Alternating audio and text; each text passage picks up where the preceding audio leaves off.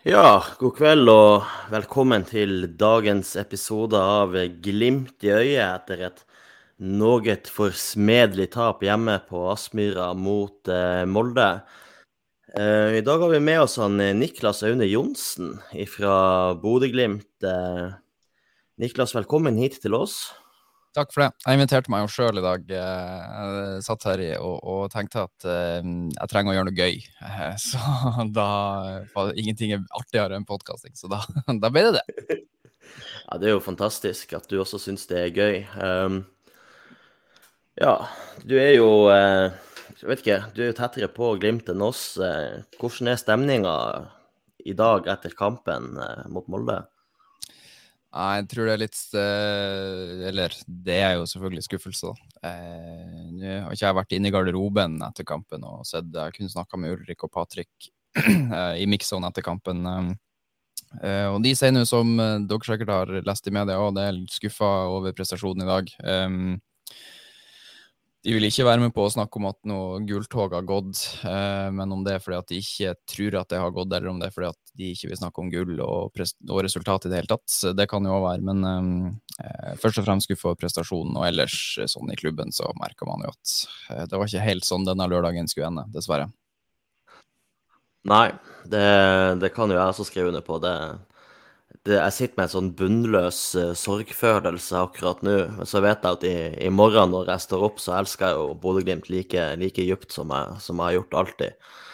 Uh, vi har jo også med oss Alexander, Raymond og Bjørn Einar. Jeg vet ikke hva, hva deres uh, første reaksjoner etter kampen i dag er? Det er skuffende, spesielt med tanke på rammen rundt kampen, egentlig. For det har jo vært en jævla morsom uke å være Glimt-fan. Altså, man får henta hjem Patrick signerer Marius Lode. Og det fullfører et ganske bra overgangsvindu for eh, Glimt sin del. Og ja, med tanke på utsolgt stadion og, og, ja, rammen rundt kampen, så hadde man jo håpet på noe litt annet enn uh, enn et 4-1-tap når, ja, når, man er inne i sin beste periode av sesongen. Spesielt i Eliteserien. Vunnet mange kamper i det siste. Så ja, det er kjipt med en dårlig prestasjon. Og er alt fortjent til Molde. De skapte de største sjansene og, og virka egentlig farligst. Men uh, hadde håpet på, håpet på, mer enn det her i dag. Også jævlig kjedelig med skade på, skade på Pellegrino. Det er det siste vi trengte nå. Ja, eh, jeg er jo litt sånn eh, Altså, det ble litt sånn forventa for meg, det her egentlig. For at eh, Molde kom jo med Det ser du litt på lagoppstillinga. Du, du hørte litt før kampen hvilken plan de har. og de klarer å utføre den planen der på en ganske god måte.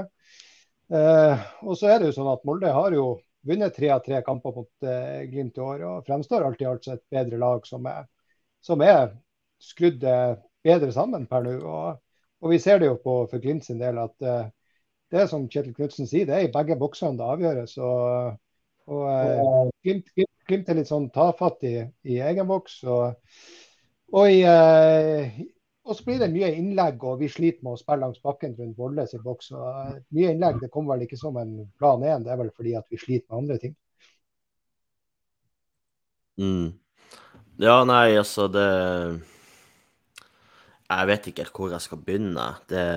Vi kan jo begynne med å applaudere for overgangsvinduet til Glimt, det har vi gjort mange ganger. men Um, jeg syns Molde kommer akkurat sånn som jeg spådde på den uh, livesessionen vi hadde på Twitter i går. De ligger uh, djupt med ja, med, med, med, åtte mann pluss keeper, og så er det Eikrem og Fofana som får lov til å henge litt igjen. Eh, Eikrem ligger i mellomrommet der, og han er jo giftig når han slår på, ja, på spesielt Fofana og, og Knutson, kanskje, på, på, de overgangene de, de har. Så, så, det er jo et kampbilde vi har sett tidligere. Det ble et kampbilde som vi hadde forventa, men eh, jeg sitter jo med en følelse av at vi, vi, vi burde skapt mer offensivt. Jeg, jeg sitter ikke inn med, med nøkkelen på, på, hvor det skorter med, med, ballen i laget i dag, da. Det gjør jeg ikke.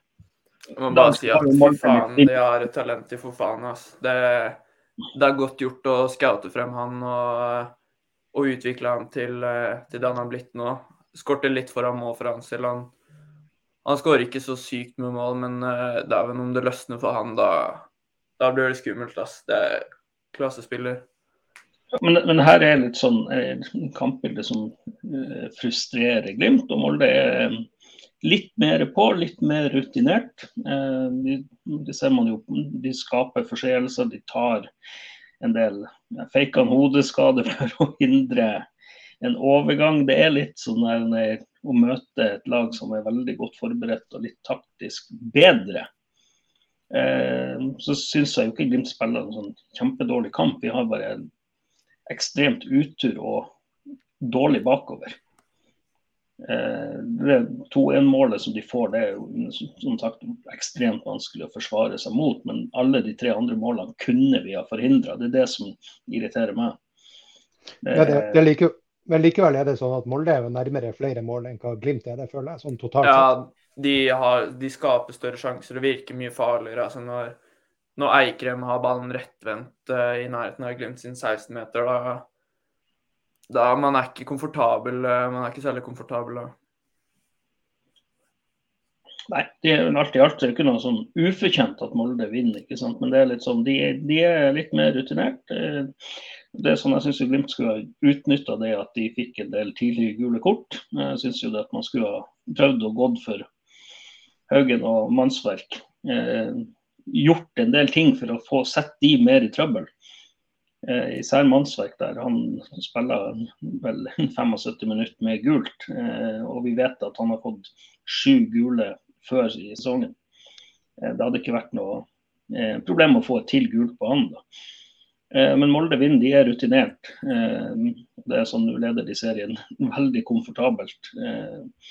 Eh, så kan man jo si det, det er jo litt antifotball, men sånn er det. Det er noen som er flinke i forsvarsspill. og Det, det er jo som man sier, et godt forsvar gir deg titler.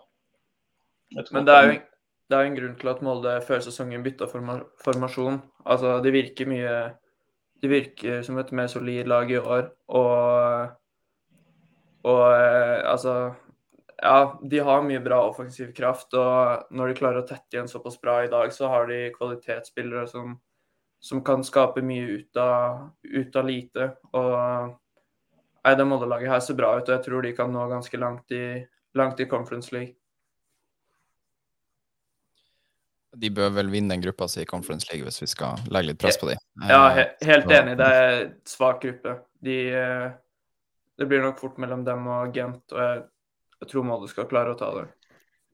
Det er jo eh, interessant òg det der med Europa. Altså, vi så jo eh, Glimt, eh, hvis vi skal si altså i vinter når vi møtte Celtic, Aset eh, og Roma, i den perioden der, så var jo Glimt utrolig god. Da så det ut som at ingen lag i Norge skulle ha sjanse til å stoppe eh, Glimt-toget. Og eh, det kom jo kamper tidlig som gjør at sesongoppkjøringa blir mye kortere. Nå skal vi ut i gruppespill igjen, og det er vel kun førsteplassen eller eh, fjerdeplassen som ikke gir kamp i februar. For både andre- og tredjeplassen vil jo gi denne playoff-plassen. Eh, førsteplassen så får du kamp i mars isteden, og fjerdeplassen så er du på en måte over og ut. Så eh, det er jo faktisk ganske stor sannsynlighet sånn sett da, for at man skal ut i kamper igjen allerede i, i um, til vinteren. og Det er også for Molde sin del, så det kan jo bli veldig interessant med tanke på sesongoppkjøringa står, uten at vi skal eh, ta den gleden på forskudd at man eh, Glimt kan fortere enn nummer fire i gruppa, og det er ikke det jeg sier. Men eh, det er mange altså, eh, Tre av fire plasser gir eh, sluttspill, så det er eh, veldig spennende med Europa. Mm. Ja, absolutt. Um, og det, det er jo Jeg vet ikke om det, om det, er det vi ser, ser i dag fortsatt, men, men jeg syns Molde tar oss på energi og intensitet. Eh, og Det syns jeg de gjorde på, på Ullevål, også på Aker stadion. Eh, jeg føler at de vinner ikke bare 50-50-dueller, men også det som er 60-40-dueller, kanskje fordel også.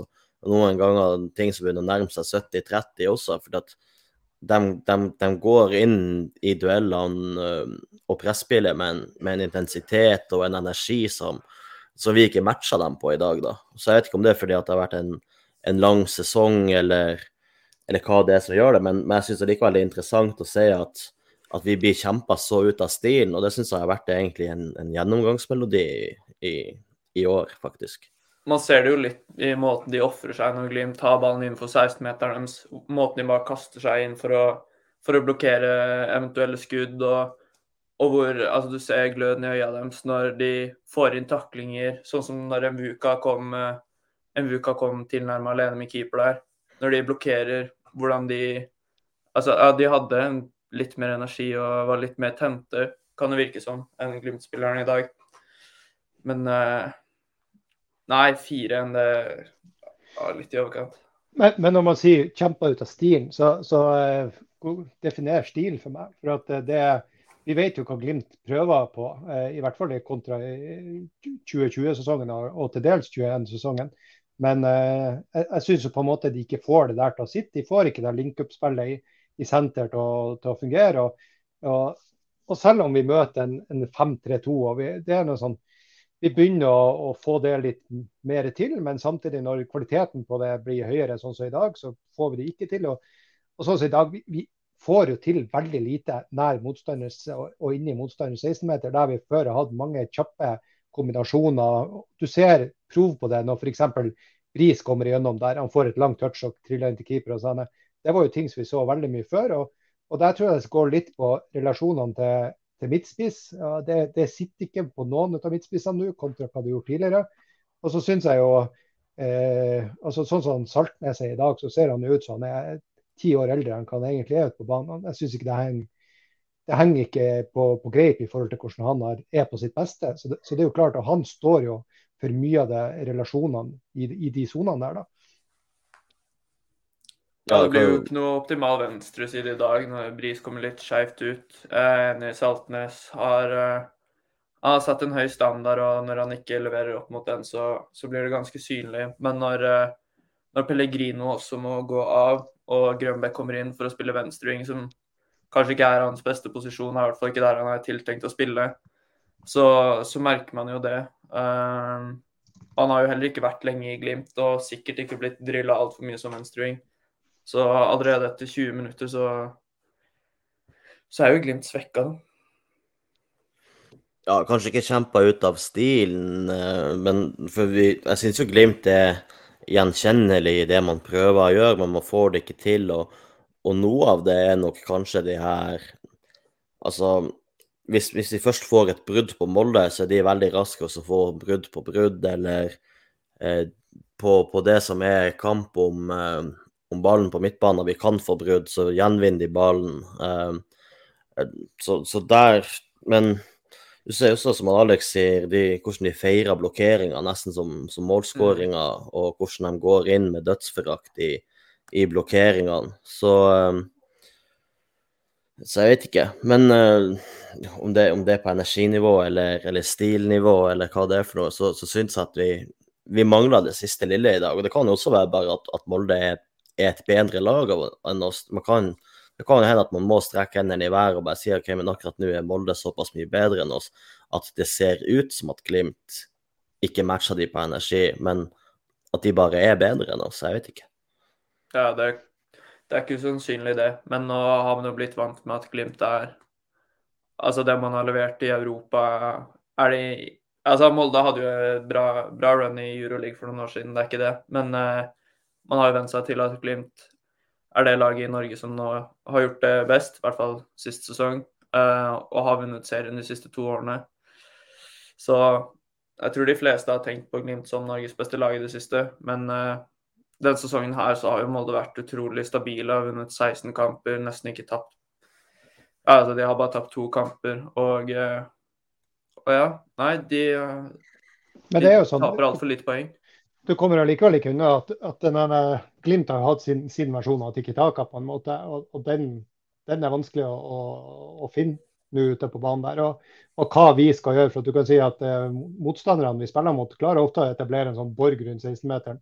Eh, og som vi klarer å, fint å trille oss rundt. Og, liksom, og vi kommer til innleggssituasjoner. Men så blir det liksom planløst over innleggssituasjonene. Og, og vi, vi, er jo veldig sjelden veldig farlige på det, med mindre det er det er corner, eller at vi har flytta opp stopperne, sånn så vi får det 1-1-målet på i dag. Så eh, det blir, litt sånn, det blir, litt vanskelig når det blir sånne her kamper. Så blir det litt vanskelig for meg å se uh, hva, hva, er det som mangler for at Glimt skal liksom det, det, er ikke det siste lille som mangler for at Glimt skal være mer målfarlig. Jeg syns det mangler ganske mye relasjonelt der fremme. da. Jeg vet ikke, men, du var jo inne på det, eller jeg vet ikke hvem som var inne på det, at, at Saltnes ser ikke er på det vante nivået. Jeg ser jo det er jo mye teip på, på det kneet hans. Ja, han må, få, han må, få, seg litt videre. Det... Altså, han har jo vært langtidsskada etter at han skada seg borte i Sofia. Slet han jo i fjor og gjorde jo comeback mot RBK, men det er en som stort sett spiller alt så lenge han er tilgjengelig. Og, eh, og ja, det, jeg har ikke noe problem med at han starta kampen i dag, det har jeg ikke. Men nå har man en fyldigere tropp. Nå har man både Hagen og og Grønbæk som kan komme inn og er på et høyt nivå og kan spille indreløper. Så nå har vi brukt mye penger. Troppen er bedre enn var for uh, enn var før overgangsvinduet åpna. Og da må, det, da må, det, være mulig å rullere litt mer på midten, sånn at Saltnes og også Vetlesen, selv om Vetlesen jeg syns han gjør en ganske grei kamp i dag, men de to spiller mye og løper mye. Da håper jeg at det, det blir litt lettere å la de få hvile en gang iblant, sånn at når disse tøffe toppkampene kommer, da er de på 100% og ikke 90 eller 95, eller hva man skal si de er på. Det er klart, for litt ekstra overskudd gjør det jo enda bedre. Ja, det var det jeg skulle spørre Niklas om. Om, om det er, er, det det samme kneet og samme skaden som kom borte mot CSKA Sofia i fjor, eller er det, eller er det noe nytt han, han bærer på, han Ulrik? Nei, jeg vet ikke svaret på det spørsmålet. Eh, om det samme kne det, Jeg klarer ikke å huske hvilket kne han har teip på. Jeg klarer ikke å huske hvilket kne han skada i Sofia. jeg vet ikke, men eh, jeg har ikke hørt noe om at det er noen ny skade, i hvert fall. Så eh, det kan godt hende at, at det fortsatt er smerter som sitter igjen der, eller at det føles bedre med teip at ting Ja, Jeg vet ikke om Men man kan vel føle litt på sånne ting etter man hadde en sånn kneskade at Kanskje det ikke er vondt, kanskje det egentlig ting fungerer, men at det er mer en psykisk greie. men jeg vet ikke. Det ja, det er jo mange spillere som spiller med teip på hånda, selv om det ikke nødvendigvis er noe galt der. Så. Ja, det kan være, være noe sånt, men eh, det, ja, jeg kan ikke si noe for sikkert, for jeg aner ikke, faktisk. Så de... snakke litt om Patrick Berg, hjemkomsten. Var det rett å starte med han da? Jeg ser det har blitt stilt en del spørsmål. Hva syns du om impact og prestasjon? Jeg syns han, han, vinner ballen mange ganger. Er bra i kombinasjonsspillet. Og så er, jeg tror det var noen som skrev at han burde bli bytta ut fordi han, hvis han ikke begynner å levere litt mer offensivt. Men det er jo ikke det han er kjent for. Han er en jævla god ballgjenvinner, og det ser man i dag. Vinner tilbake ballen relativt ofte og gjør trygge pasningsvalg. Så jeg syns det var en bra debut, og, og han viser hvorfor man har kjøpt ham. Og og hvorfor man har savna han. han, er, han er ikke svær, men han tar for seg i duellen og, og, vinner tilbake ball ganske ofte. Hadde en, en, sekvens i første omgang hvor han vant tilbake ballen ti, nei, to ganger på ti sekunder. Så jeg, jeg syns det er helt riktig å starte med han, og, og jeg syns han er en ganske grei kamp. Jeg så vel Avisa Nordland ga han vel fire på børsen. Det syns jeg jo uforskamma lavt. Da har du litt høye forventninger og kanskje litt sånn, i mine øyne litt feil bilde på, på hva Patrick Berg skal levere på banen. For jeg syns han gjør en, en, fryktelig solid kamp. og Det, det er sikkert eh, 10-15 andre baller han eh, ville ha vunnet som vi ikke ville ha vunnet, eller som vi ikke hadde vunnet uten han. da. Eh, og I tillegg så er, er han spillbar, tar, tar, med seg ballen på, i, i fart og, og, er i bevegelse konstant. og du ser at Selv om han blir spilt i trange situasjoner, så mister han ikke ballen. Får ikke mannen opp i kroppen. Eh, han har alltid et pasningsalternativ rundt seg. Altså, og ja, han er ikke 100% han er litt rusten, men det ser du litt på sånne par avleveringer og sånn her. Men, eh, men ut ifra hvor kort han har vært her, så syns jeg han gjorde en kjempebra debut. Og, og, det var utrolig godt å ha han tilbake i laget. For han er, han er viktig, og jeg er sikker på at han er utrolig viktig i garderobe og kultur. Jeg sa det, eller jeg tenkte tanken uh, i går uh, kveld at uh, egentlig sånn så, så, kjente jeg at jeg brydde meg ikke så mye om resultatet i dag, men at jeg gleda meg veldig til å se Patrick og, og Marius tilbake. og ja, selvfølgelig bryr jeg meg litt om resultatet, og det er skuffende og surt å tape 4-1, men jeg sitter litt med den følelsen at det på en måte Det er deilig å ha de to tilbake. Og jeg gleder meg veldig til å se de utover høsten. Jeg tror det kommer til å bli sinnssykt artig på Aspmyra utover høsten også. Eh, om det ikke blir gullkamp, eh, som det jo kanskje ser ut som, så er det mye å spille om i serien. For både andre- og tredjeplassen her er jo utrolig viktig med tanke på neste år, og ikke minst det som skal skje ute i Europa i høst. Så jeg tror det kommer til å bli vanvittig artig. Og, de to der i tillegg til de andre som har kommet inn, kommer til å gi en vanvittig boost utover høsten. Både på spillerne, laget og publikum, tror jeg, da. Men en ting, for eh, nå hørte jeg eh, Avisa Nordland sin eh, Studio Glimt-podkast. Er det ikke sånn at det er altså Bortsett fra litt økonomisk forskjell, så har det vel egentlig ingenting å si uh, om du kommer på andre- eller tredjeplass. For per nå så er vel begge to, altså både andre- og tredjeplassen, uh, skal spille Conference League-kvalifisering. Så sånn ut ifra det jeg har forstått, så har det egentlig ingenting å si om du kommer på andre- eller tredjeplass. Det er kun førsteplass uh, som skal spille Champions League-kvalik, og resten skal spille Conference League-kvalik. Ja, det stemmer. Og så uh, tror jeg at det også er sånn nå at alle tre, altså for det andre tredjeplassen og cupmesteren, går inn i samme runde i Conference League. Tror jeg. Men det var vel, hvis ikke cupmesteren går inn i runde to, at du på en måte hopper over et ledd, eller runde tre, som det blir i conference. Ok, Så cupmester er ikke lenger altså det er ikke Euroleague? Nei, det har ikke vært de to siste årene i hvert fall. Det, jeg tror ingen lag går inn i Europaligaen uten å nei, være i Champions League. hvert fall, i hvert fall ikke fra ligaen. Så Ja, sånn ja. sett så er det jo egentlig ekstremt viktig å vinne ligaen. Altså nå ryker antageligvis det, men forskjellen på andre- og tredjeplass blir jo for vår del da minimal. Så er jo fjerdeplassen også, hvis et av de andre lagene eh, vinner cupen, viktig. For da er det jo fjerdeplassen Ja. som får den. Sånn som i år, så Molde hadde jo hadde jo Conference League i form, i- altså, som et resultat av andreplassen i fjor, og så vant de, og da gikk jo den til Lillestrøm, så det var jo Ja, ja Jeg tror ingen lag i hele Europa, men nå er det mulig jeg tar feil, altså at det ikke er en eneste liga i Europa som gir direkteplasser i kvalifiseringa i Europa League. Altså Skal du inn i kvalifiseringa, så må du i Champions League først. Og så er det noen lag sånn som type Arsenal og Manchester United i år da, som går rett inn i gruppespillet i Europa League. Men det er også mulig jeg tar feil på det der. Men Nei, jeg tror, jeg tror det stemmer. Ja, at man kan få såpass mye seedingpoeng at seriemester og serietoer fra neste sesong går inn i Champions League-kvalifisering. Og da vil jo seriemesteren sannsynligvis hoppe rett over kvalifiseringsrunde nummer én og gå inn i runde to, og dermed være sikra gruppespill. Eller om de går inn i runde tre og er sikra gruppespill, eller rett inn i playoff og er sikra Europaliga som dårligst, da. Eh, Så um, det kan, det kan bety mye å vinne serien i 2023, eh, tror jeg, sånn som jeg har forstått det. at Det, det seriegullet det betyr veldig mye, da. Det betyr, det betyr veldig mye. i Europa. Da er det sånn, da får du to da får du en som går direkte til playoff, og så er det en som går hele, andreplassen må gå hele løypa. Og så vil tredjeplassen gi eh, Europaligaen, og fjerde og femte, eller fjerde og cupen, vil gi Conference League. Hvis det er sånn. Så da er det sånn, da har man én Europaligaplass i tillegg. Sånn, så det, det øker jo sjansen til europaspill betraktelig. Ja, så er han Øyvind her skriver at uh, vinneren i 23 går rett inn i CL-playoff i 2024-2025, som betyr minimum gruppespill i Europaligaen. Mm. Uh, og en del penger på bok. Da. Så seriemesteren i Eliteserien 2023 um, det, den, det er et seriegull som betyr mer enn bare de pengene man får for premieplassen i Eliteserien.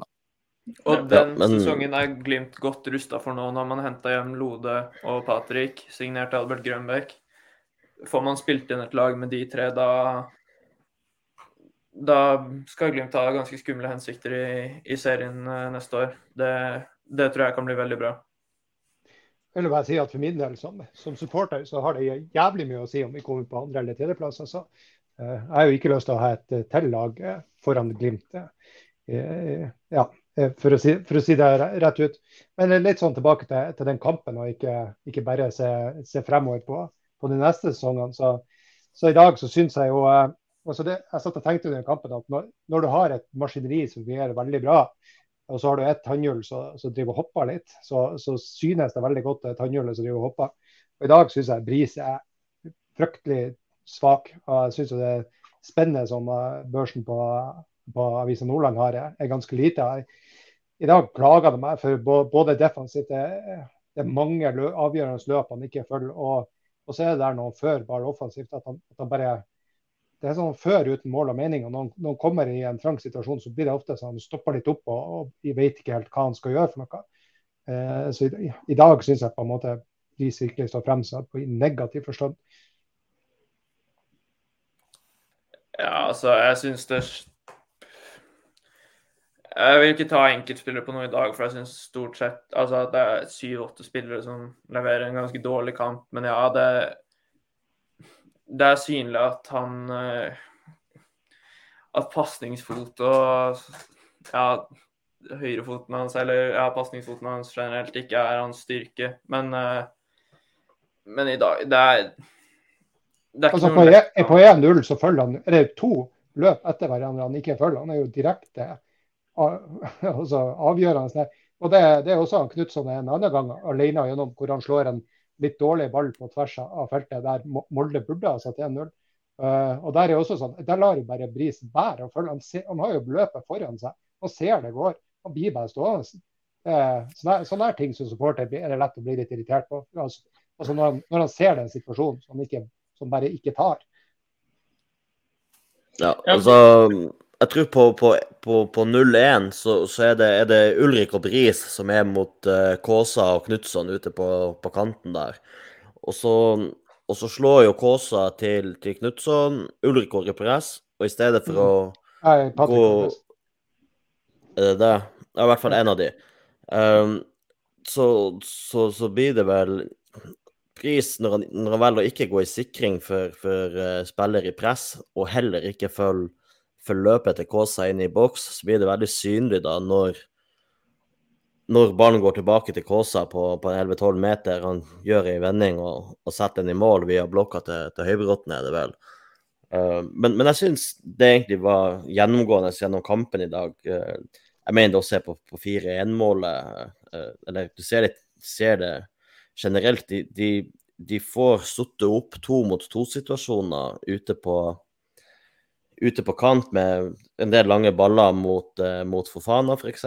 Du ser det andre gangen nå. Det blir uh, Fofana og Nå husker jeg ikke hvem han andre er der, uh, men det, det er samsted. Altså Isaks kommer ut, og Fofana bare flikker gjennom bak ryggen på, på, på Isak, og så er, er, de forbi både Samsted og, og, og Isak. Og jeg syns det ble, det ble, litt lett, og så er det vel på er det på 1-4, så, så, er ballen ute bredt på venstre, blir slått inn sentralt, og så skyver eh, Samsted inn sentralt i lammet med laget, så går ballen tilbake ut bredt, og så kommer overlegget i boks, uten at vi Altså, Samsted havner på halvdistanse, eh, kommer ikke i press, forstår stå upressa innlegg. Kåsa tar ned, vender inn og skyter den i, i lengste igjen, da, der ballen kommer ifra. Så, så det, ble, det, er litt sånn gjennomgangsmelodien som har vært i hele år, syns jeg. at vi, vi, blir så sårbare. Det skal, det skal liksom, det, Hver eneste sjanse vi har imot, blir så veldig stor da. Mens vi trenger en 7, 8, 9, 10 sjanser sjøl for, for, å få en stor sjanse. Uh, jeg er enig i at det gjøres feil i dag, men man kan heller ikke si at de målene til Molde er ferdigskåra, for det er bra enkeltmannsprestasjoner som fører til at de får satt den i mål. Det, altså, målene kan stort sett forhindres, men uh, det er langt fra ferdigskåra. Og, og altså, sånn som det 4-1-målet, det kommer jo som en konsekvens av at Glimt må jage mål og, og åpner seg opp og blir mer sårbare bakover. Men ja, det, det var ikke enormt mye imponerende forsvarsspill uh, hos Glimt i dag. Store forskjellen på når, når, som Vi sa det vel før vi gikk på lufta, det her med at eh, når Vetlesen får tatt ned ballen i boks til Molde, så er det, det tre Molde-spillere som er så tett oppi han at det er ingen plass å avslutte på den. Han, han har ingen luker å skyte i. Mens når Glimt går i press, du, du har det med Saltnes, eh, Høybråten og husker ikke sistemann på, på innemålet til Kåsa, så er de to-tre meter unna. Så det er masse luker å sette han. Er liksom det, den store forskjellen på aggressiviteten og hvor tett de er oppi. Og sånn, det, det, det, er kvassere på Molde, rett og slett. Ja, han får lov til å vende. Eh, og det, det er sånn, det, Der er vi ikke tett nok på. Du skal ikke få lov til å vende opp der. og liksom, ja, Du kan bli finta på ræv, men da skal det være en som ligger for, foran og ofrer livet for å for å blokkere. og Det er litt sånn, det er den eh, 100% innsatsen vi egentlig savner i dag, som Molde har. Sånn, du ser den Muka kommer alene der, ikke sant, når han, jeg tror han Haugan som kommer, eller, og bare takler omtrent fra 16-meteren. ikke sant, og Det er klin Ja. på ball. ikke sant, og Det, det er sånn eh, Sammen med Vettlesen er det de tre stykker som ofrer alt, de- alt de har. Og så syns jeg liksom at i presspillet òg, da syns vi er litt, litt feige. Vi stoler kanskje ikke på de bak eh, ved å tørre å kjøre litt, litt hardt. fordi at han, eh, han får mye tid, han der jævla tromsøværingen i mål, til å stå med ballen. ikke sant, og liksom ok, Så står vi der og venter, og liksom ok, de er ganske komfortable så lenge han har ballen. Jeg savner liksom det at ok, vi tør å stole på de bak og flytte laget litt opp og kjøre hardt på stopperne, sånn at de blir tvunget til å gjøre feil. Eh, og det, men alt i alt Molde vinner fordi at de, de ofrer seg. Innsats, eh, innsats slår ofte talent. Og er veldig effektive foran mål. da. Ja, ja.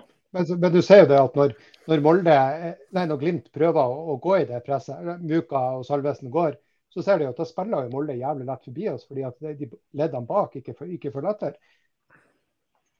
Og så er det også noe med det her med, med hvordan Molde altså, hvis, du, eh, hvis du står litt for langt unna, sånn at du må ruse litt i du skal gjøre blokkeringer, det ser du på begge målene til Kåsa, at han har god plass rundt seg idet han mottar ballen. Da må du kjapt inn i situasjonen, og da er du mer sårbar for skuddfinter blir dratt av, kontra enn hvis du står, har gjort den jobben på forhånd og er, og er bedre forberedt. Det er jo det Molde gjør. Du ser jo det når Glimt mottar ballen i siste meter så da står Molde tett i. De har gjort den, den jobben i, i forkant, liksom. Og det gjør det i alle situasjoner. Det krever jo mer, da.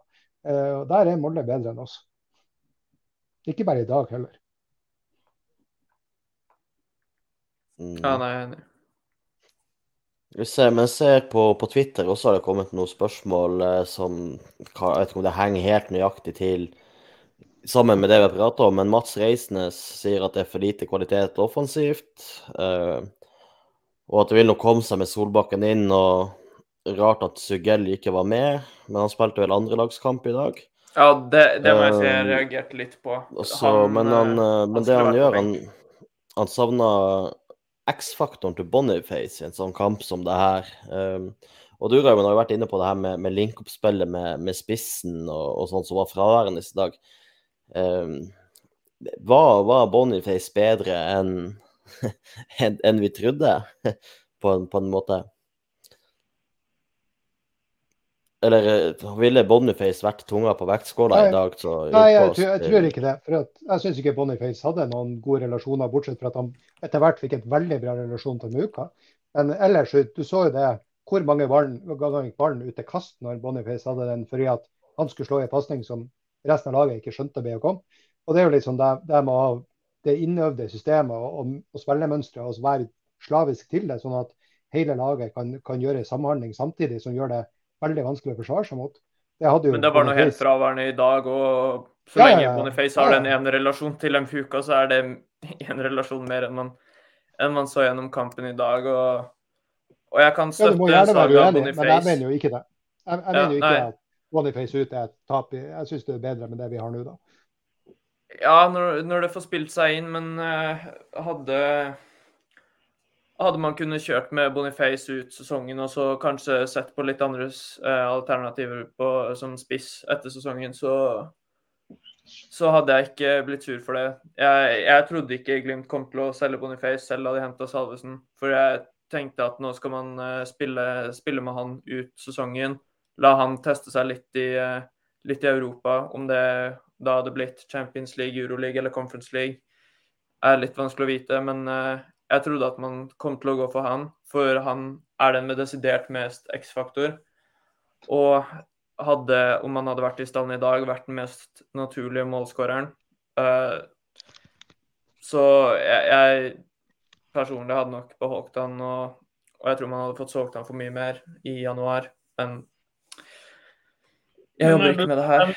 Du nevner Sugell. Jeg ser det kommer til spørsmål at han spiller andrelagskamp. Ja, eh, Det eh, skjønner jeg ingenting av. Hva er status på han?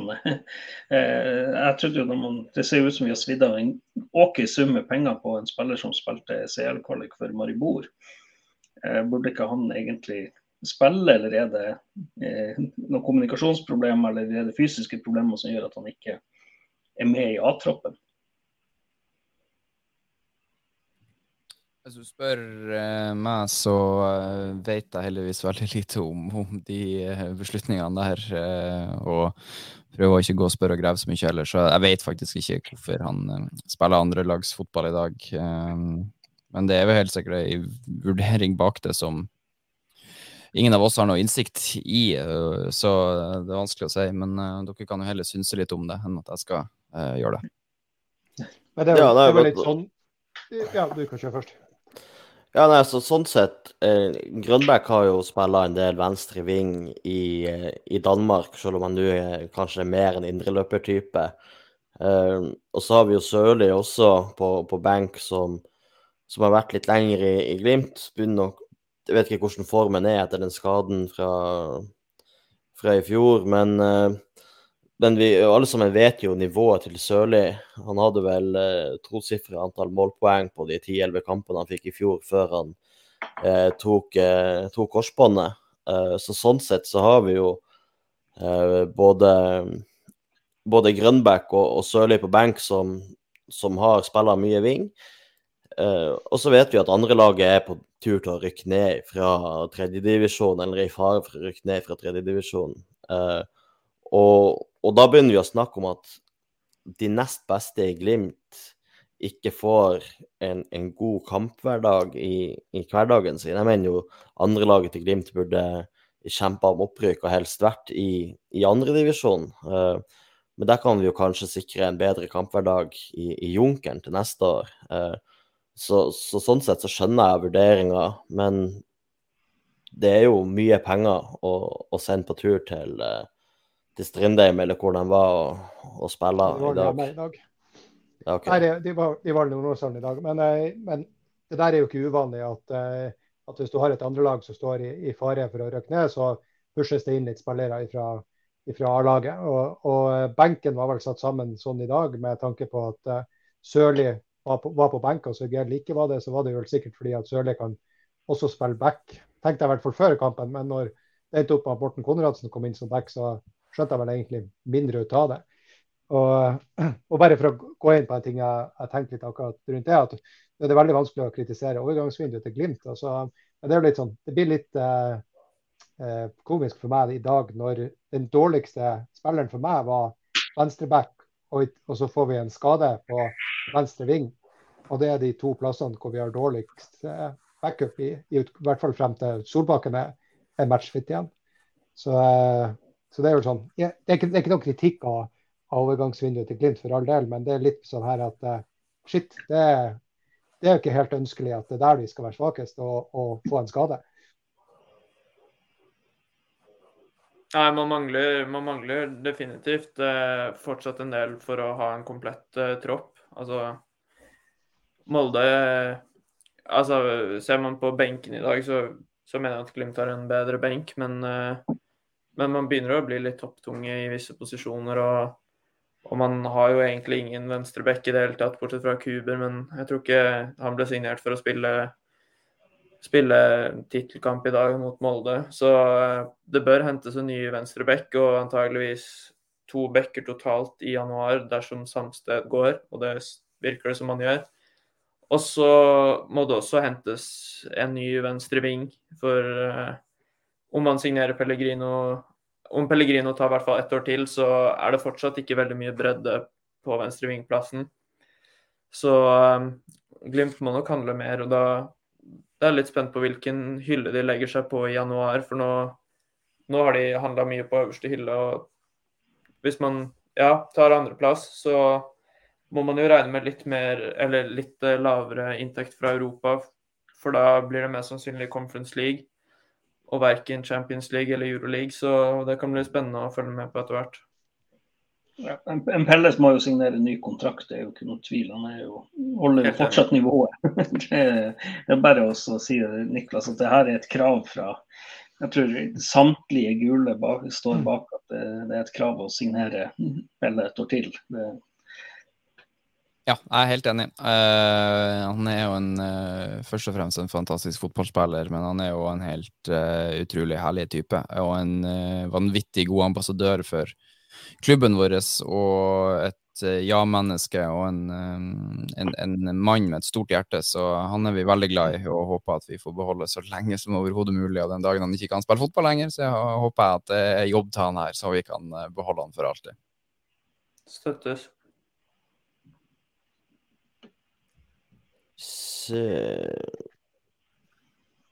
jeg ser jo forresten i kommentarfeltet her at det er en del, eh, eller noen som eh, snakker om eh, Ja, Håkon blant annet, som spør om Europa fortsatt er målet, om vi ligger OK an, og noen som ber oss om å ta, ta oss et glass saft og en bolle med tanke på eh, litt sånn krisemaksimering. Og det er jo egentlig Jeg skrev det på Twitter etter kampen i dag òg. Nå har vi 41 poeng på 21 kamper. Det er nesten to poeng i snitt. Skulle man slå Tromsø, så har man over to poeng i snitt i neste eh, serierunde som jo vanligvis eh, holder til seriegull, og det er utrolig sterkt, da, med to poeng i snitt. Så, er det sånn at i år så eh, er Molde bedre, og det var kanskje litt det Molde opplevde i 2020, da de egentlig gjorde en helt fantastisk god sesong, eh, men så var bare Glimt så sinnssykt mange hakk over. og eh, sånn er det jo i fotball. Noen ganger så er det et lag som er vanskelig å ta. og Om det ikke blir seriegull i år, nå er det jo ikke over ennå, så det kan jo selvfølgelig fortsatt bli det for Glimt sin del. Men uh,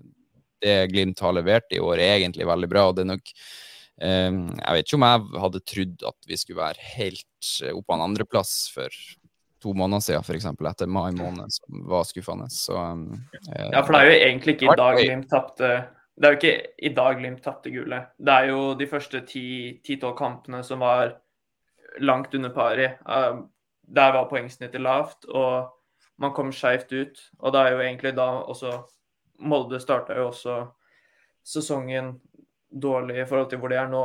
Men uh, Glimt ga seg ikke noe godt utgangspunkt med å, med å spille litt for mye uavgjort, tape noen kamper uh, de første ti kampene. Og havner man bakpå, så er det vanskelig å, å ta inn på altfor mye. og Spesielt når Molde leverer så solid som de gjør nå. De taper jo ikke kamper og, og klarer å vippe jevne kamper i sin favør. Så selv om det er jævla tungt i dag, og det kan føles ut som det er i dag man tapte man potensielt har tapt gullet, så er det nok de ti første kampene man må se tilbake på sånn, når man skal oppsummere sesongen under ett. Det er også litt sånn, For, for meg så starta det, det tapet der. det det starta vel egentlig på, til nyttår. Eh, en del spillere for ut. Eh, sånn som venstre back hadde vi vist om en stund uten å klare å erstatte. Og så syns jo jeg det ser ut fra, ut, sett fra utsida som at vi, eh, vi, ikke klarte å knekke den koden med å kombinere e-cup og, og sesongoppkjøring på en optimal måte. Og det var en i spillergruppe som ikke hengte sammen på en god måte og ikke hadde overskudd og ikke var samspilt når vi, når vi kom inn når serien begynte for alvor. Og det var jo jeg, jeg, tror det er det som førte at de ti første, i hvert fall i mine øyne, da, så er det som førte at de ti første kampene liksom prestasjonen der ikke blir god nok. Så jeg er jo, jeg er jo veldig spent på uh, Jeg vil jo tro Glimt lærer av det uh, til neste sesong og klarer å kombinere det på en bedre måte. Og så er det jo litt det med spillelogistikken og være i forkant og, og, og på de som går ut. og det er sånn som at Vetlesen nå kan forsvinne, men at Grønbæk allerede er kommet inn. Det er liksom en sånn, det er jo en bedring, det. da, Så det er lov å se jeg, jeg, håper det blir bedre det der til neste år, for det var litt krise for meg i år. Men det føles så rart med tanke på hvor solide man var i Europa. så Man slo ut Celtic på en ganske overbevisende måte. Man kriga seg forbi altså et Alkmaar og slo Roma hjemme på Aspmyra. Altså var det jo noen eh, litt uh, uforutsette omstendigheter som gjorde at man røk 4-0. Nå tror jeg nok Glimt hadde røket der uansett, men jeg tror de fleste hadde Glimt som ganske store favoritter da. Altså, de så enormt solide ut. og og bortsett fra Molde, så tror jeg man tenkte at det laget her kan valse over det meste som er av motstand i Eliteserien. Så nå har det jo kanskje kommet ut, eller det har vel kommet ut at spillerne var litt nedfor etter den Roma-kampen, og at det var tungt. Men, eh, men jeg, jeg, tenkte ikke over at kanskje at stallen er for tynn. At, eh, at det har gått ut noen spillere for altså Botheim, Patrick og Lode, de var jo ikke her mot Celtic, altså Alkmaar og Roma andre gangen vi møtte dem.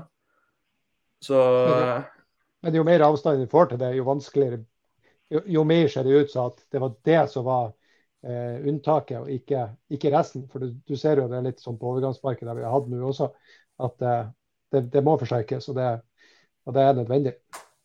Ja, men, men, det er sånn vi, jeg syns vi har gjort en OK sesong til nå. ikke sant? Vi, vi er fortsatt ja, ja Ja, det det? Det det? Som jeg sa liksom var det er sånn, I dag er det en, en, en Molde tar oss rett og slett på rutinen. Men så skal vi også huske at Molde i fjor mista de mange spillere i sommervinduet. I år så mm. har de ikke gjort det. Eh, ja, de har ikke forsterka men, men de har, eh, det er en del interesse for en del av spillerne deres. Ola Brynildsen, David Fofana. Eh, spillere som kanskje går neste år, så er det kanskje et helt annet Molde-lag vi ser. ikke sant, Nå har de riktignok en, en OK benk og solid, men, solid benk, men, men det, det kommer plutselig en, en, turnover i stallen deres som gjør det at de får en down-periode. og det er som De har jo vært på en opptur ja, egentlig hele sesongen. De tapte hjemme mot eh, hva det var, Viking, var det vel. og eh, har spilt, De har vunnet omtrent alt på bortebane. Det er jo en sinnssyk prestasjon. Så, så det er litt det at de er noen hakk foran. Men, eh, men som sagt, jeg tror det er fortsatt mulighet til å være å krige med om sølvplassen. Nå er det jo mye, mange interne kamper mellom de nærmeste konkurrentene, så det er ikke noen som rykker ifra i morgen heller. Bare for, altså for å følge opp det aller første du sa der, eh, Bjørn Einar, så er det altså, eh, at Glimt har en OK sesong i 2022, er jo egentlig en underdrivelse. Hvis du, altså, hvis du tar hele året 2022 og oppsummerer det. Vi smadra Celtic, vi slo ut Asat Alkmaar kom til kvartfinale i Conference League, er kommet inn i gruppespill i Europa League og ligger som nummer to etter 21 kamper i Eliteserien, eller nummer tre om Lillestrøm tar poeng i morgen. Så egentlig så er det jo en helt vanvittig Glimt-sesong. Det er jo bare at vi har blitt utrolig bortskjemte. Så så jeg en som skrev her òg at uh, ja, uh, selvfølgelig, men det er lov å være skuffa og, og, langt nede etter å ha tapt 4-1 for Molde, og det er vi jo alle sammen. Og så er det kanskje noe med at man nå innser at eh, det var fortjent, eh, og at mange kanskje Alexander er inne på det, det er kanskje ikke i dag seriegullet glapp, men den siste sjansen kan man kanskje føle på at glapp i dag. Eh, og det er jo det som gjør at det er litt skuffende, da, men totalt sett så er jo sesongen til Glimt 2022 så langt egentlig helt vanvittig bra. Eh, men um, det, det, er bare at man har satt en syk standard for seg selv.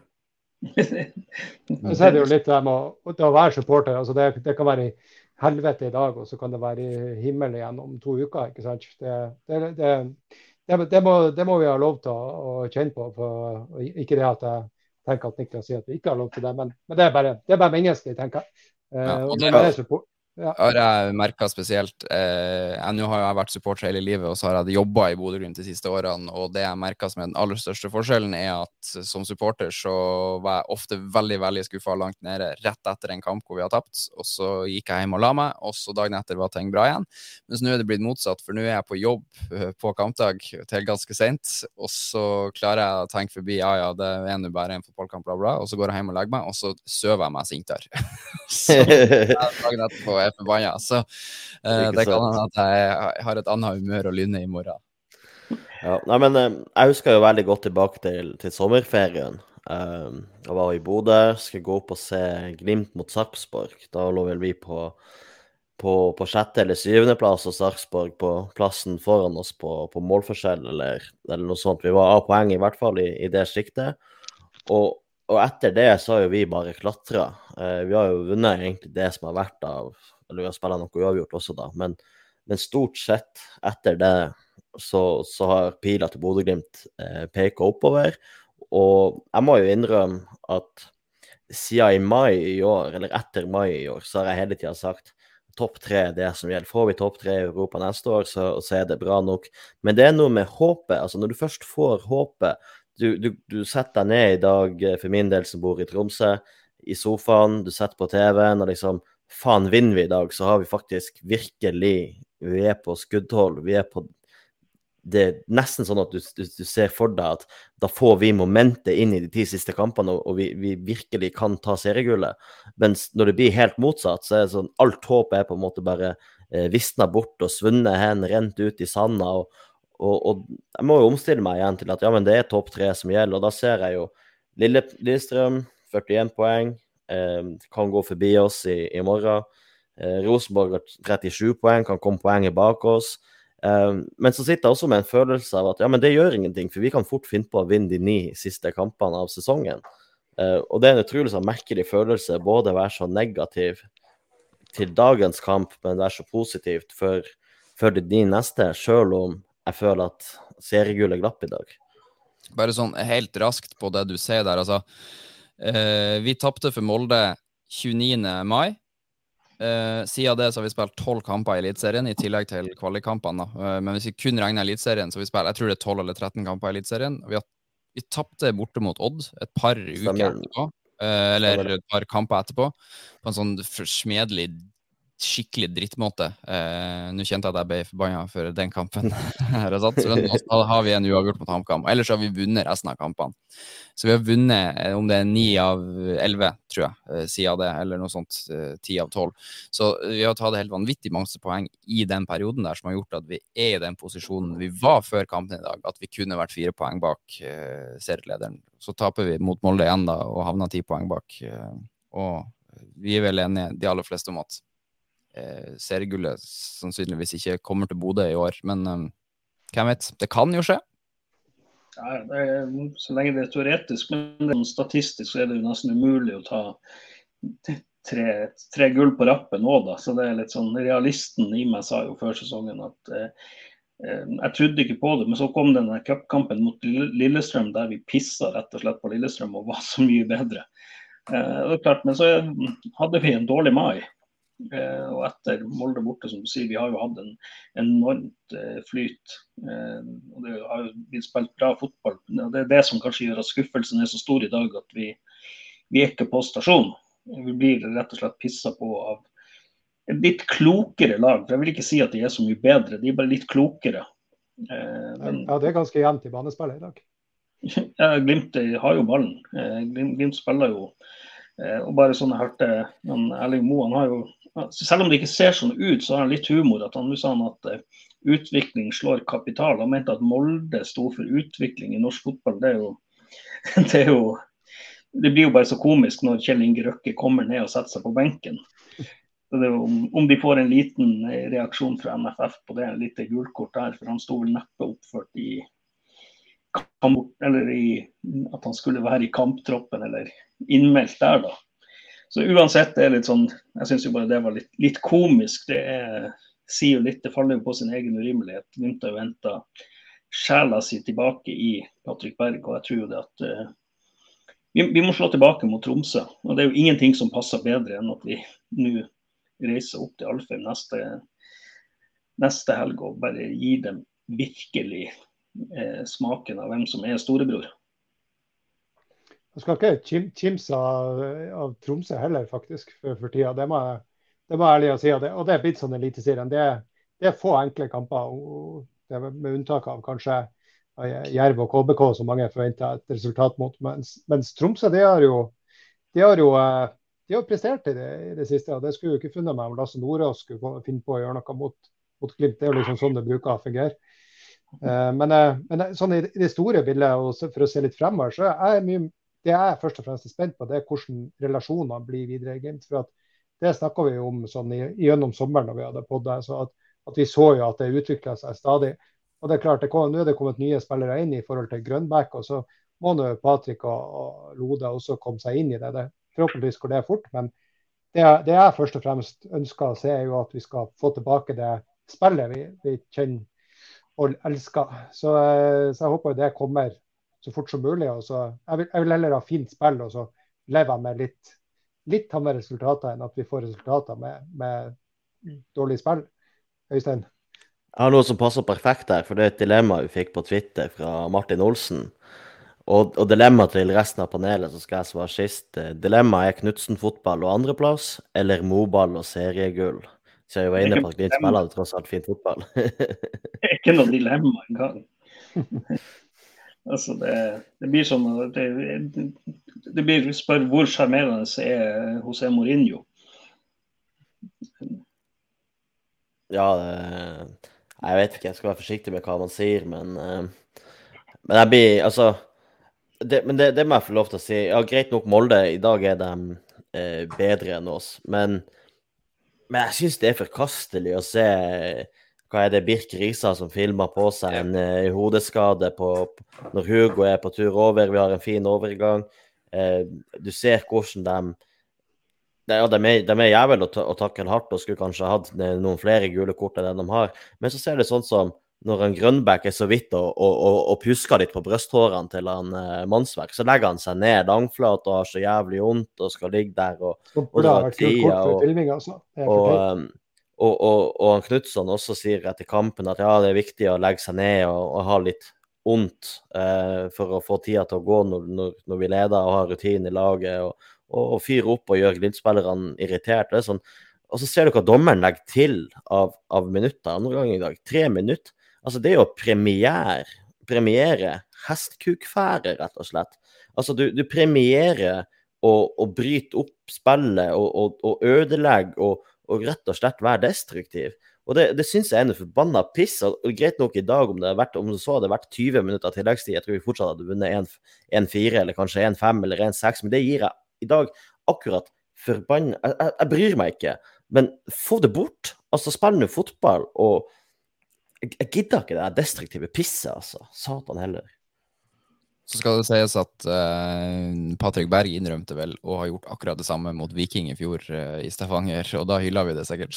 sånn at Ja, det er det man er kritiserer. da. Altså, det er artig altså, å se fotballspillere som spiller fotball, men uh, kynisme er også en viktig egenskap å ha da, for å kare til seg de poengene man skal for å være med helt i toppen. Og vi kritiserte er jo Glimt for å mangle det etter Zagreb-kampen og så det er sånn du kritiserer kanskje ikke ditt eget lag når de bedriver det, eh, men du blir veldig forbanna når motstanderen gjør det. Ja, det er, det er frustrerende å se på, men uh, altså Ja, jeg skjønner hvorfor de gjør det, og selv om jeg kan bli sur for det, så ja, jeg, jeg skjønner dem veldig godt. For de slår andreplassen på tabellen ved å, ved å spille smart og i hermetegn stygt. Men Men det- man vil jo vinne, og man gjør det, litt, man kan for å vinne. det er litt det der å ha den kynismen, og det er kanskje noe Glimt må trene på. for det, det, det er ikke noe Du kommer ikke til Europa med fair play sånn som Tromsø gjorde en gang i tida.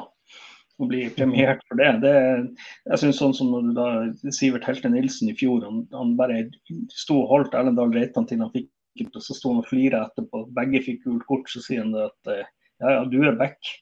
Du skal spille 90-80 minutter med gult kort. Lykke til med det. Og Det er litt å være litt kynisk hvis det trengs. Eh, og Det syns jeg Molde var mye flinkere. De tok ut tempo ut av kampen. og de liksom tok et par eh, gule kort og de prøvde seg litt der ikke sant? uten at det var direkte stygt. Men eh, det er kanskje noe Glimt må lære seg til. Det vil vi kanskje møte i Europa flere ganger.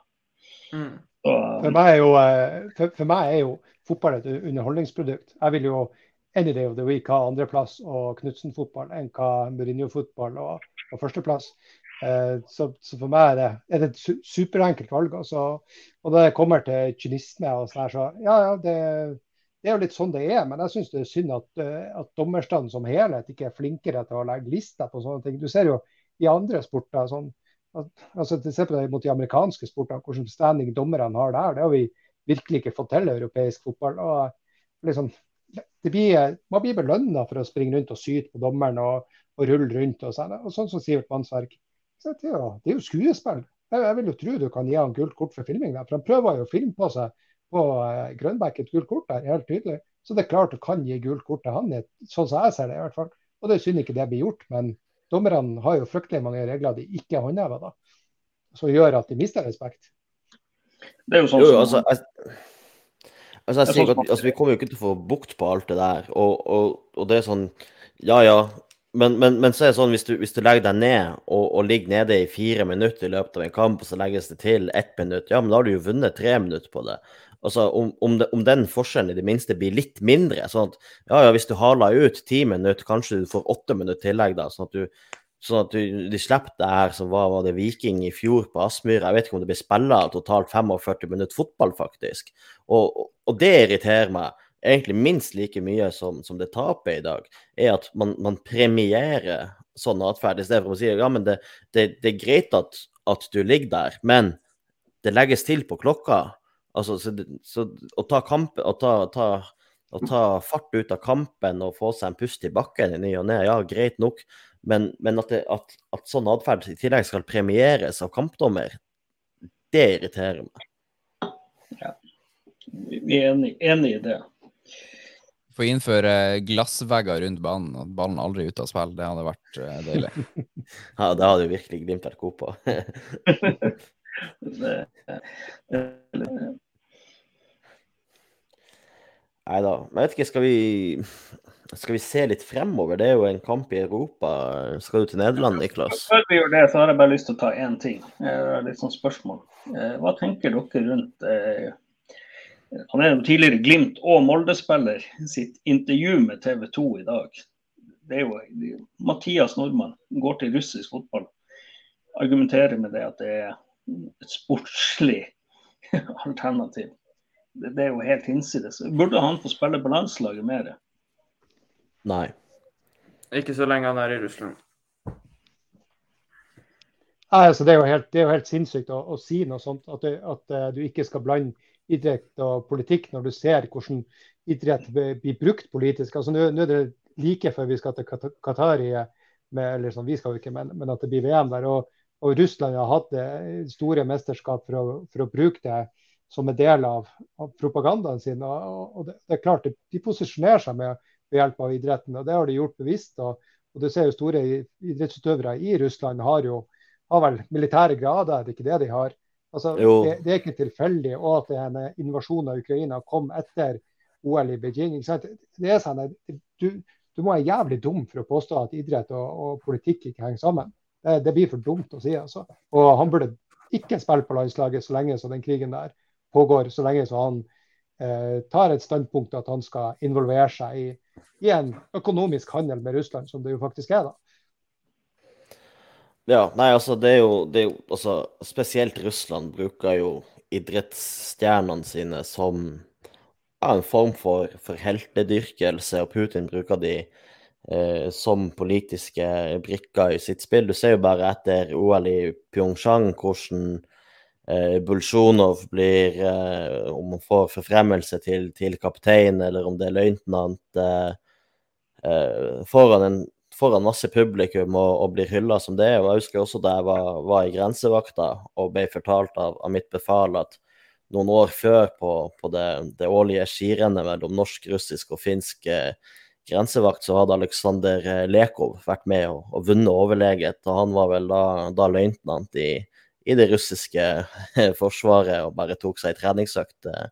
Så det, så det, er litt spesielt eh, å si at man ikke blander fotball og, og politikk, når man ser hvor, hvor viktig eh, fotball og, og, sport er for litt eh, ja, lugubre regimer. Du ser jo Blummenfelt også, eh, han triatleten fra Norge, blir kritisert for at han er med på det her eh, Bahrain-laget i, i triatlon også, blant annet. Men jeg skulle ønske han hadde rett, at man ikke trengte å blande idrett og politikk, og spesielt fotball. For det er jævla kjedelig at det er der at du må du, At du føler deg dårlig hvis du vil se på fotball som nå blir i Qatar. Altså, det beste er om man slipper å føle det sånn, men slik situasjonen nå er, så, så er uh, idrett og politikk Altså de hører sammen og de har en relasjon.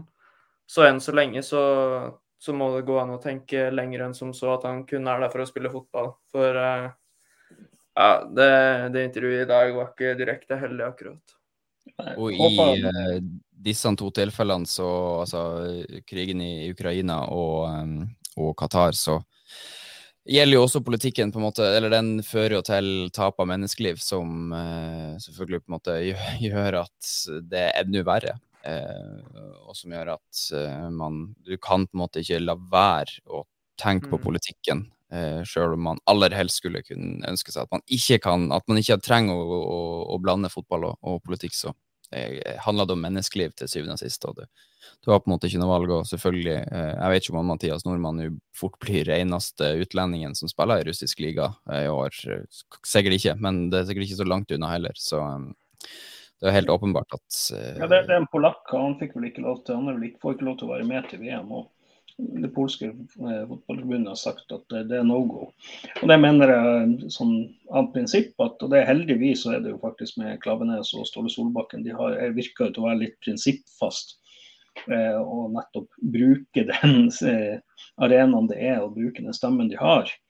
Eh, så jeg håper jo det at de tar avstand og sier, bare kommer, konkluderer med det, at dette er totalt uakseptabelt eh, av en eh, norsk landslagsspiller, og han kommer ikke til å bli vurdert for det norske landslaget. Jeg ser Øyvind Mytting sier at han, han skammer seg over å ha vokst opp i Lofoten med tanke på det han har gjort, at han ikke burde bli invitert til norsk fotball. og det er sånn, ja Kanskje man hadde et håp om å se Mathias i, i gult igjen, men det, jeg håper ikke det nå, da. Jeg håper vi aldri får se han der. Det er, det er, etter det der, og når du i tillegg går ut liksom, og sier at vi ikke gjør det, da er det sånn, da har du skylapper på.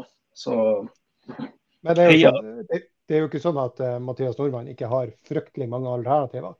Det har vært enklere å forstå at uh, hvis det har vært sånn ja, OK, nei, det, det, finnes ingen andre klubber på jorda som vil ha meg, men han er jo en god fotballspiller og har nok å velge hvis han bare, hvis han bare uh, legger godvilja til, for å si det sånn. Så det er jo Nei, det, det blir svakt. Altså, spørsmålet er jo at hvordan hadde ting sett ut hvis vi alle skulle tenkt på den måten og gjort, de, gjort våre vurderinger ut på samme prinsippene som Mathias Normann? Hvordan hadde verden sett ut da? Det hadde jo vært null solidaritet. Så det her det blir det er rødt kort. Men hvordan er hvis han nå skulle ha på en måte snudd uh, før han signerer for denne russiske klubben? Han er vel under kontrakt med Rostov, uh, hvis jeg ikke husker helt feil.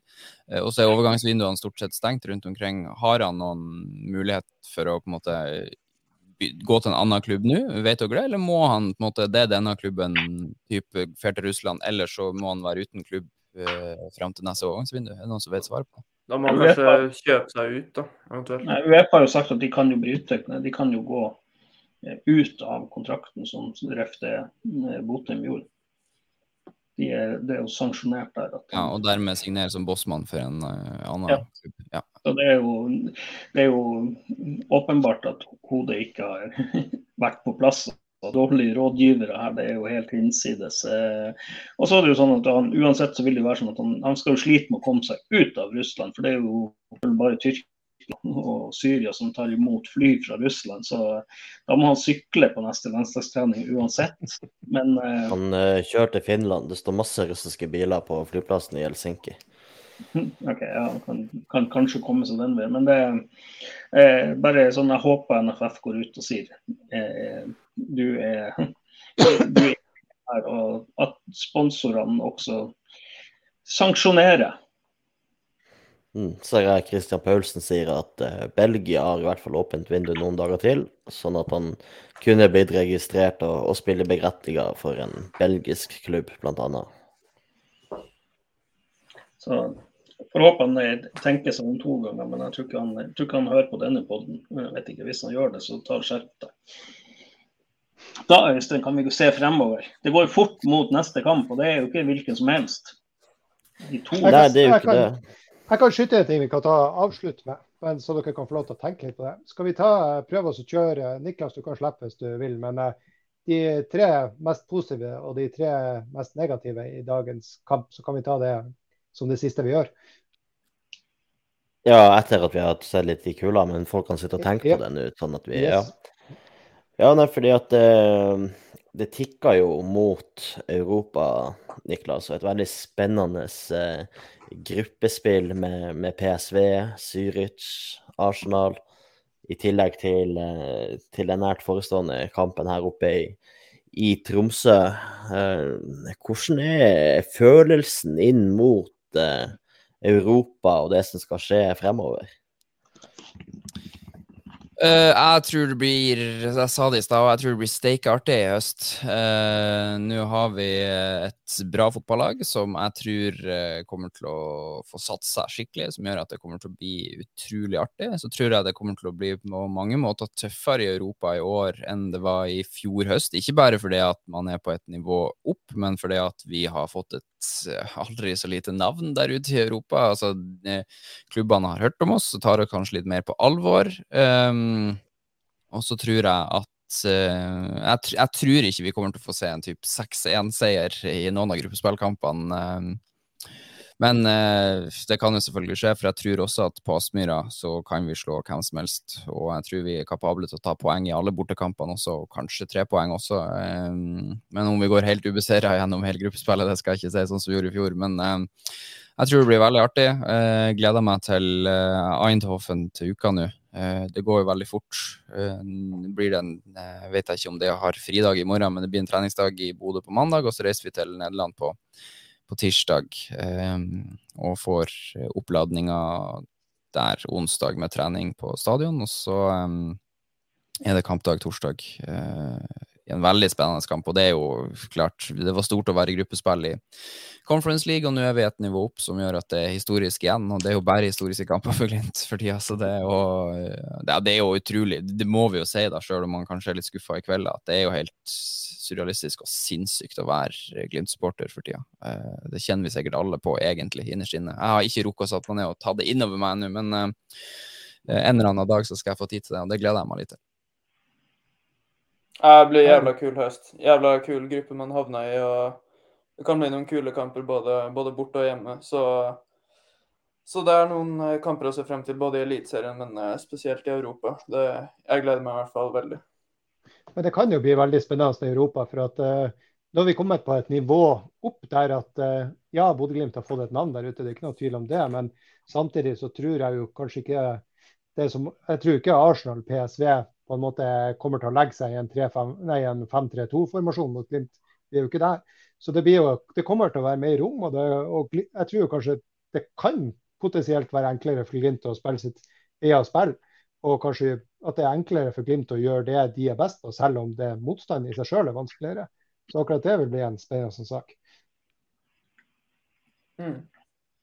Og så kommer det sannsynligvis til å Unnskyld, men det kommer sannsynligvis til å være liksom ting å spille om hele veien eh, i, i, serien, men også i Europa. For jeg tror ikke vi på en måte havna nederst med null poeng eh, altså etter tre kamper og sånn sett er ferdig i gruppa, om dere skjønner hva jeg mener. Altså, jeg tror det kommer til å stå ting på, på spill hele veien, og i og med at tredjeplassen også gir et avansement inn i Conference League, så kommer det til å være eh, ja, det helt inn til fotball-VM begynner, eh, så kommer det til å være kjempespennende. Så det er jo ingenting.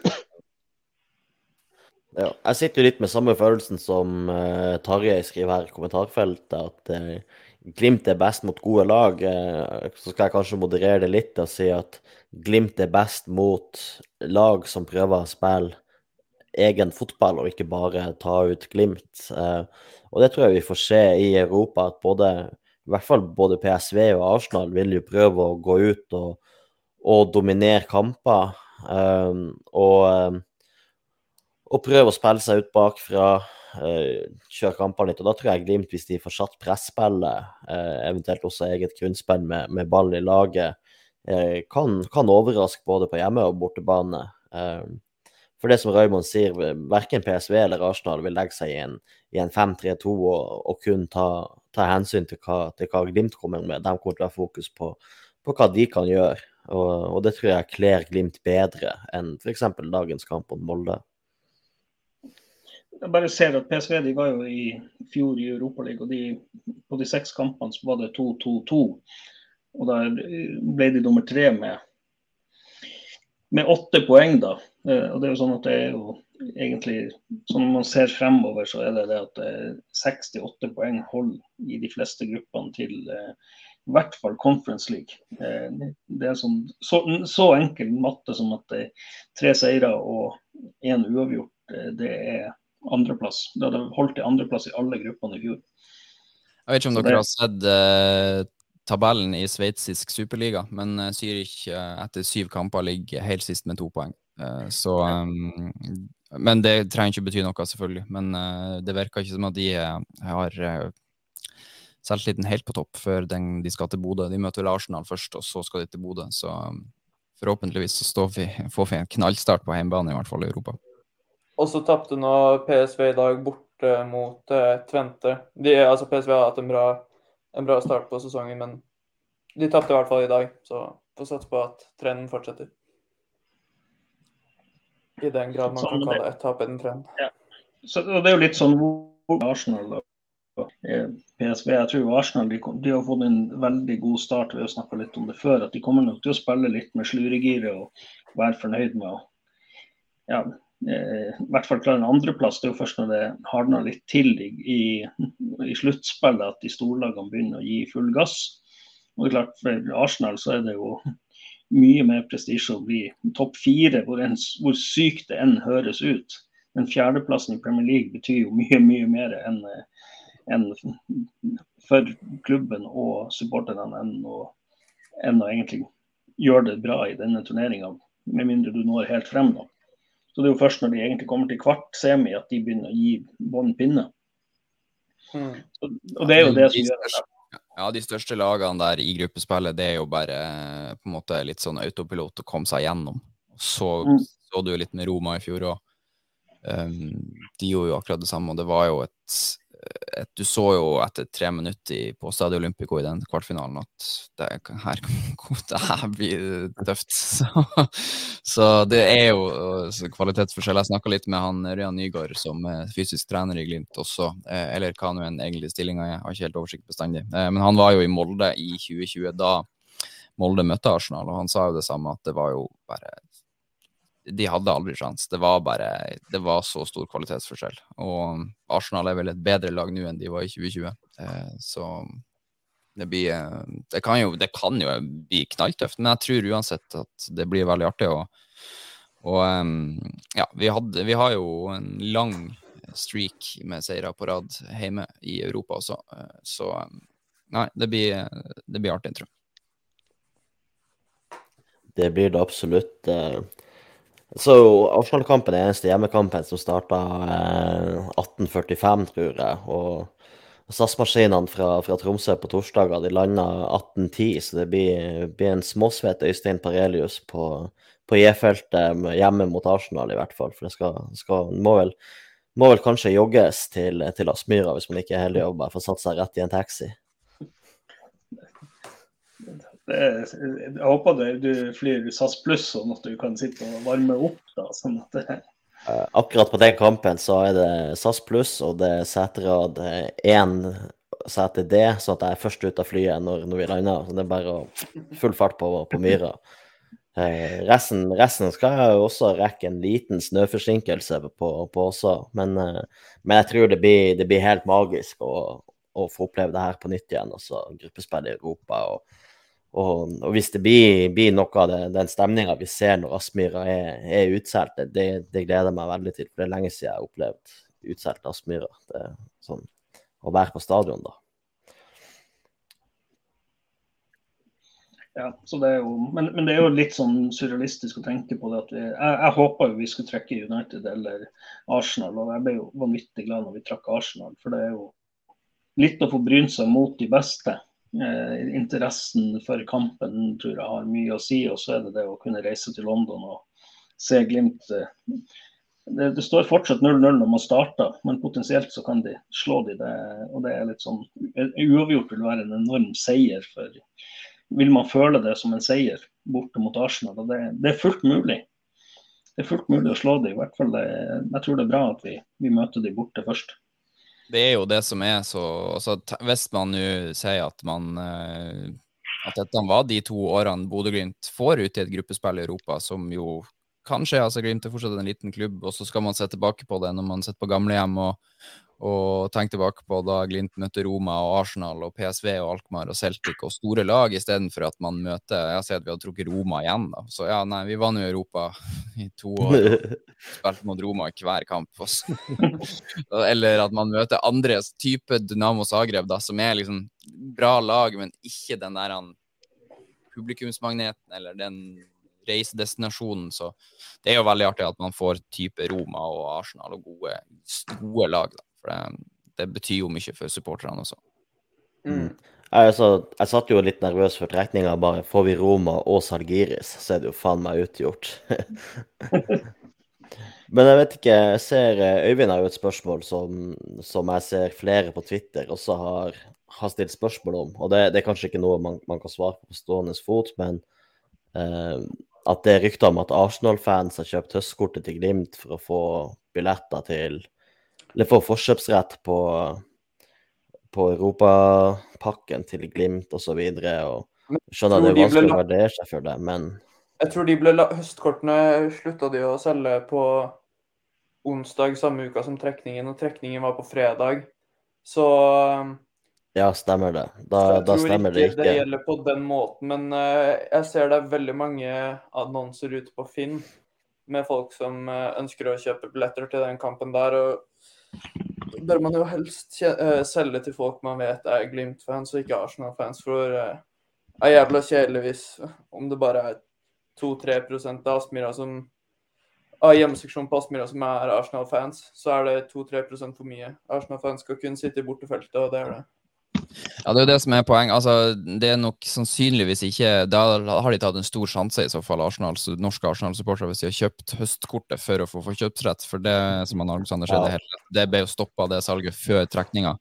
Eh, men at det er eh, nordmenn som har kjøpt høstkort for å få forkjøpsrett, og kun vil på gruppespillkampene, kan jo selvfølgelig skje. Det er jo ikke noe man kan garantere seg mot. Og så har han Alexander òg helt rett i at uh, heimefeltene er for Glimt-supportere og de som uh, eller nøytrale, og så er Arsenal-supporterne skal på bortefeltet. og De har 404 billetter, og det er det Arsenal som selger. Så kan man jo heller ikke garantere eller ha noen garanti for at ikke Arsenal-supportere kan kom, altså kjøp billetter og kom inn på de nøytrale slash eh, heimefeltene, men der er det altså ikke tillatt med borteeffekter. Så du kan ikke som Arsenal-supporter komme inn på SNN-tribunen eller E- G-feltet eller E-feltet og ha på deg et Arsenal-skjerf. Eh, og selv om man heier på både Glimt og Arsenal, som mange gjør, så kan du ikke ha på deg Glimt-drakt og Arsenal-caps, f.eks., for, eksempel, for Arsenal-capsen vil da bli tatt fra deg. Og nekter du å ta den av, så kommer du ikke inn. Eh, det er jo det som er regelen. altså. Arsenal-supportere skal kun på bortefeltet. og Sånn er det. Så kan man jo godt sitte der og heie litt heie på Arsenal. Det, selvfølgelig, det kan man jo ikke nekte noen å gjøre, men du har ikke lov til å vise det. Eh, og det gjelder egentlig alle kamper. Det, det gjelder mot Molde i dag òg. Så tror jeg jeg hørte noen rykter om at det var noen Molde-supportere på eh, nøytral tribune som også satt og feira og jubla. Det har jeg vært vitne til sjøl når jeg har vært på Aspmyra. Eh, Ei dame som heia på TIL en gang i 2016, da vi tapte 3-0 der og ble så forbanna. Det er jo det som er grunnen til at regelen er sånn at man ikke skal provosere på seg og skape eh, bråk. Eh, Så mm, det er sånn det er.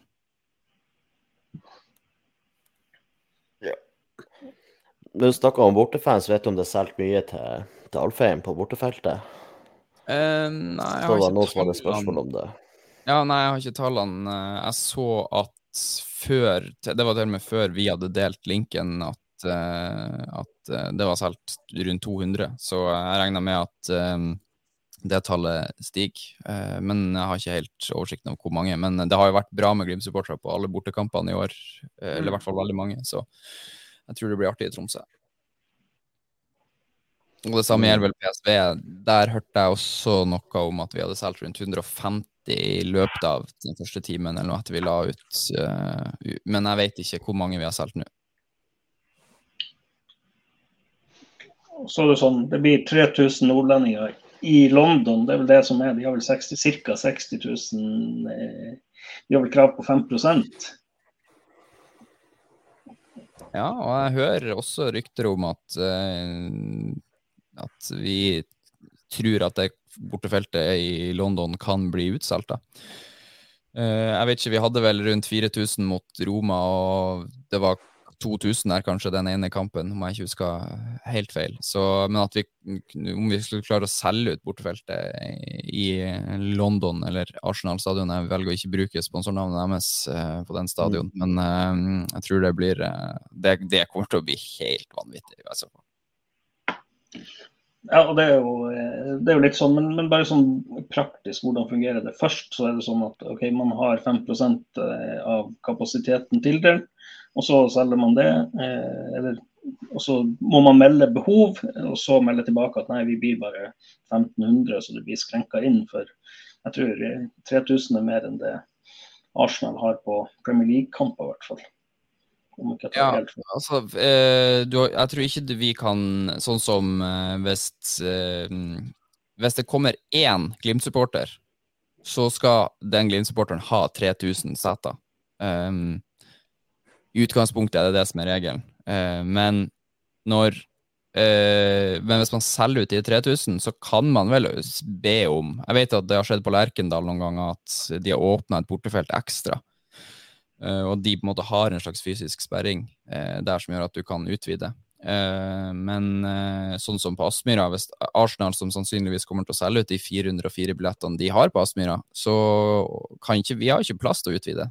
Det, for det er ikke plass til flere Arsenal-supportere enn det. Så det er vel òg en Det kommer vel an på hvordan det går med billettsalget. Det kan godt hende at Arsenal sier sånn ja, vi selger nesten ikke billetter til den kampen her, så dere kan få 3000 til. Det kan godt hende. Men hvem vil ikke se Bodø-Glimt? Vi har jo utsolgt Stadio Olympico. Det var vel Lazio og Bodø-Glimt som hadde utsolgte hjemmekamper på, for AS Roma i fjor, så, eller i år. Så det så det, det, det er få forunt å, å møte en europeisk stormakt som Glimt. Folk i London også burde gå mann av huset for å få det med seg blir sånn at det er om å gjøre å ta femteplassen i Premier League fremover for å få møte Glimt i Europaligaen. møte Sheriff i Champions League. Det er bare til neste år. Det er året etter det, nå er det, skal vi til Champions League. så det Arsenal må sette på håndbrekket, men det kan jo være det. Det blir jo landslagsduell mest sannsynlig. Berg mot Ødegård. Det, det er jo en, en, en, kamp i kampen som er veldig interessant, da. Så Nei, Det blir stort. Det, det, er vel ikke noe tvil om det at uh, å møte Arsenal det, det, er vel kanskje isolert sett jeg vil jo si det er større enn å møte Roma. Kanskje den, den ja, største man vi egentlig har, har hatt. Ja, i alle fall publikumsmessig så er det jo helt ellevilt. Og ikke minst sånn medie vi har jo en del krav fra Uefa på media, eh, også type hvor mange plasser de skal ha. og Det skal være kommentatorplasser og radio osv. Og, så videre, og, og når det kommer Premier League-lag, så kommer det jo radiostasjoner fra hele verden. Eh, Radio Kapp Verde jeg brukte vel det eksempelet i en annen podkast her òg, som måtte melde interesse og vil komme til Aspmyra for å dekke kampen. og da, Det sier jo litt om den enorme interessen som er. og Når man har en så liten stadion som vi har, og hvor media på en måte er det viktigste for Uefa, så eh, ja, så, det, så, sliter man jo med å få plass til alt det her. og eh, Jeg tør ikke tenke på hvordan det kommer til å se ut inn i det pressekonferanserommet hvis alle de her folkene skal inn der òg. det blir ikke telt i år òg? Nei, jeg tror vi er ferdig med telt. Vi har tatt over den bowlinghallen her, så vi eh, får håpe at vi får plass til alle inni der. Men ja, det er jo det er helt sinnssyk interesse for eh, den kampen der. Og Premier League er jo den største ligaen i verden, så det er liksom interesse fra hele verden, ikke bare fra norske Arsenal-supportere. Ja, apropos det, så er det sånn at du må jo, jeg så Arsenal hadde skrevet her at eh, Bodø ligger 200 meter nord for Polarsirkelen. og det, det, det, var litt historiske feil her. så eh, jeg tror Visit Bodø de må lage en liten sånn promovideo og sende her. da, og men det er jo også den, det å møte som Bodø-patrioter, å møte en, en, så stor klubb og få media på, det er jo vanvittig mye reklame for Bodø. Så det er, jo, det er jo, bare helt fantastisk. Eh, Arsenal kommer dit en, i høstmørket og forhåpentligvis får de juling, da, men at det, det er litt sånn uh, Bodø-reklame, det, det, er bare helt nydelig. Og Det er jo det, derfor jeg var veldig glad når vi trakk, en, trakk Arsenal, da, som er ja, et av de to mest eh, omtalte lagene i, som var mulig å møte. da. Jeg var i et møte med eh, mediefolkene i de andre klubbene i gruppa, og han eh, i Arsenal spurte meg om de var nødt til å ta med seg eh, Truga Eh, til Bodø før de skulle hit, så sa jeg jo at de var heldige som fikk oss i gruppespillet og ikke sluttspillet. For det er verre å komme hit i februar enn i oktober. Men at de kunne ta en telefon til Celtic og høre hvordan det egentlig er. For, eh, for, men det hadde vært litt artig å lage en sånn falsk video da, om at bare her er det 20 grader og Hawaii-stemning, så det er bare å komme. så får de møte en hard realitet. Det kunne vært en, eh, en fin måte å ta det litt på senga på. Mm. Men så er det jo neste søndag, Øystein. Det er jo kamp. Du, du får hjemmekamp. Jeg får eh, hjemmekamp på, eller bortekamp på hjemmebane, på en måte, hvis det er lov å si. Det er det jo, faktisk ikke. Det blir, det blir, bortekamp på bortebane. Men eh, ja, nei, det, det, det er jo fantastisk å, å, å se Glimt live. og Spesielt på, på bortekamp uh, syns jeg det, det, er ekstra artig, spesielt hvis vi vinner, da. Um, og det gjorde vi jo i fjor uh, på Alfheim, og håper vi kan gjøre det i år. Uh, for meg så er, så er det jo egentlig det er TIL og Rosenborg som er de to store hatoppgjørene for min del. Og, og det å kunne gå litt ekstra rakrygga gjennom byen i Tromsø med med noen Glimt-effekter på, på, tur til og fra jobb. Det, det, er ingenting som slår det, altså. Og uh, gleder meg til, til gjengen fra J-feltet og kommer opp og skal vel være noe arrangement før, før kamp har booka hele Heidi Spirbar, tror jeg. Og det blir, det blir, det blir, det blir show som vanlig når, når J-feltet er på, på, reise, så det blir, det blir meget bra. Jeg ser Tromsø For fire timer siden så de solgt 3700 billetter så det er av en kapasitet på 6691. Så det er jo det, det, kan jo bli litt god stemning. De har jo fått seg noen oppturer, så det er jo på tide at vi, vi setter dem på plass. Da må jo bare alle som er i Tromsø-væringer og Tromsø-supportere som hører på denne podkasten her akkurat nå, dere må jo bare kjøpe billetter og komme dere på kamp. Det skal jo være utsolgt på Alfheim når Glimt kommer på besøk. Det er klart, det. Så det 3700 er ikke nok når man har plass til 6000, så der er det bare å kline til. Mm. Og jeg forventer jo utsolgt bortefelt også. Det er mye eh, studenter fra Bodø i, i, Tromsø. Så det er bare å, å hute seg på, på, kamp.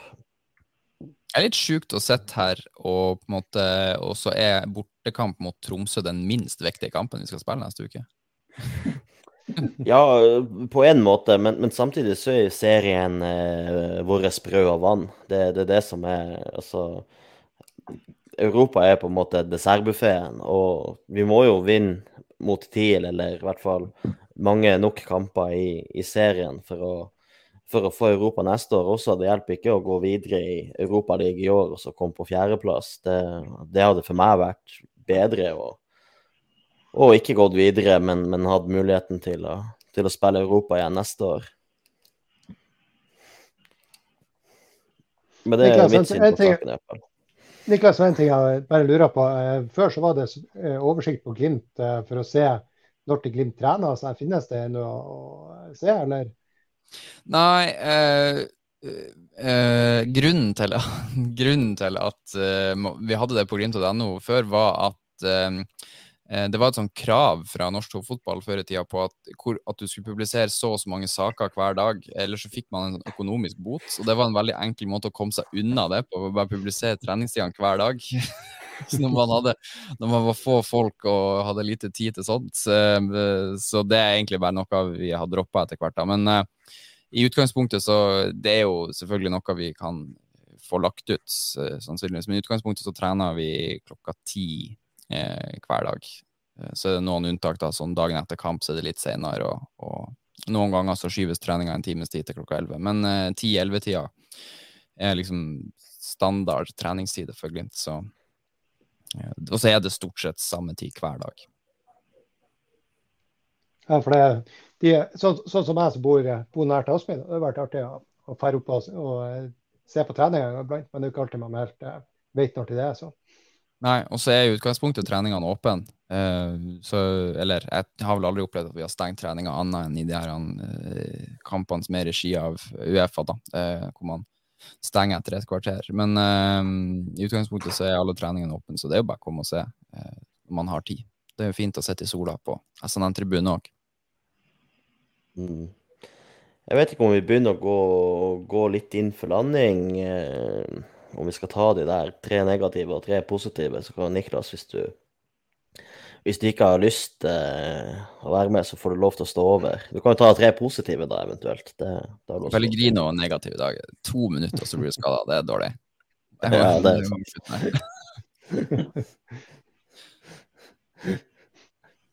Har du noe positivt å trekke frem i dagens kamp, da? Um, ja, det er jo um jeg syns at, eh, at eh, Isak spiller en god kamp igjen. Altså, han er jo på en måte fersk på nivået, sånn sett så ung ennå og gjør egentlig en god kamp. Får seg et mål også som selvfølgelig er bra. Første målet hans som et stopper, vel. Han har mål som spiss fra Glimt tidligere, men som et stopper. Første målet, så det er veldig bra. Jeg syns Joel tidvis frisk.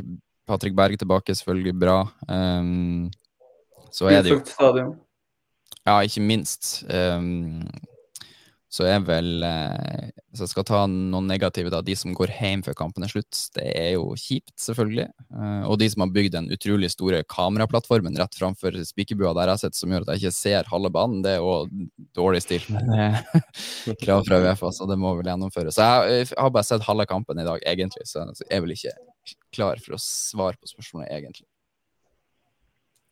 Mm. Vet ikke, Aleksander, vil du gå? Ja Det jeg ville sagt som positivt, er vel egentlig at Patrick er tilbake, par Lode tilbake og 8000 eller Eller ja, utsolgt stadion, bortsett fra bortefeltet, da. Der var det ikke altfor mange. Og negativ er jo selvfølgelig eh, at Pellegrino er skada. At eh, Ja, egentlig bare skuffelsen etter kampen. Ikke Føler ikke at Glimt kom opp på vant nivå. Og så